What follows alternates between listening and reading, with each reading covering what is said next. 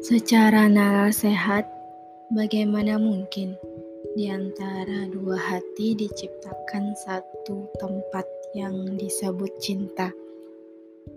Sebuah fitrah yang melekat pada hati menjadi tolak ukur bahwa hati telah bekerja dengan sangat baik. Aku berkali-kali membuat diri sendiri percaya bahwa setiap cinta yang datang adalah perkara Sang Maha Kuasa. Dengan begitu, aku sadar bahwa cinta yang datangnya dari Allah harus dijaga dan dipeluk erat agar tetap bersih.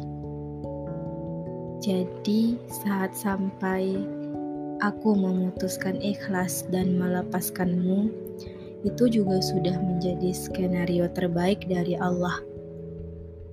Artinya, ini semua terjadi bukan tanpa alasan.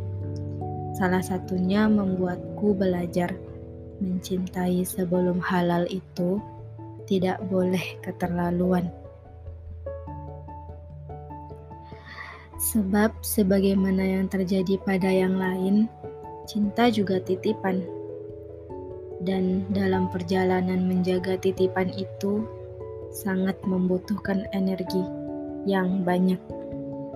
Maka dalam rangka menjauhkanku dari kekhawatiran-kekhawatiran yang kian menekan, aku memutuskan menyerahkan kembali titipan itu sebelum waktunya.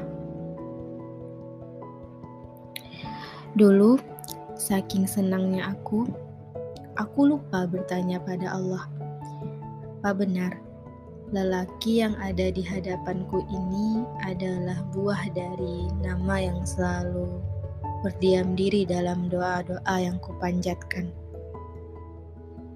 Apakah benar kedatangan sedini ini bisa membuat kita berkomitmen dan saling menjaga hati? Dan ternyata ini bagian dari kesalahan besarku. Aku rasa sangat cukup dengan kau memberi warna yang berbeda dan tak pernah kudapatkan dari seseorang di masa lalu adalah pertanda bahwa semesta pun sedang mengatur pertemuan kita. Bahwa dengan merasa nyaman dan aman dan di sampingmu, kau adalah seseorang yang akan menggenapi aku. Astagfirullah, semoga Allah mengampuniku. Ternyata aku salah besar.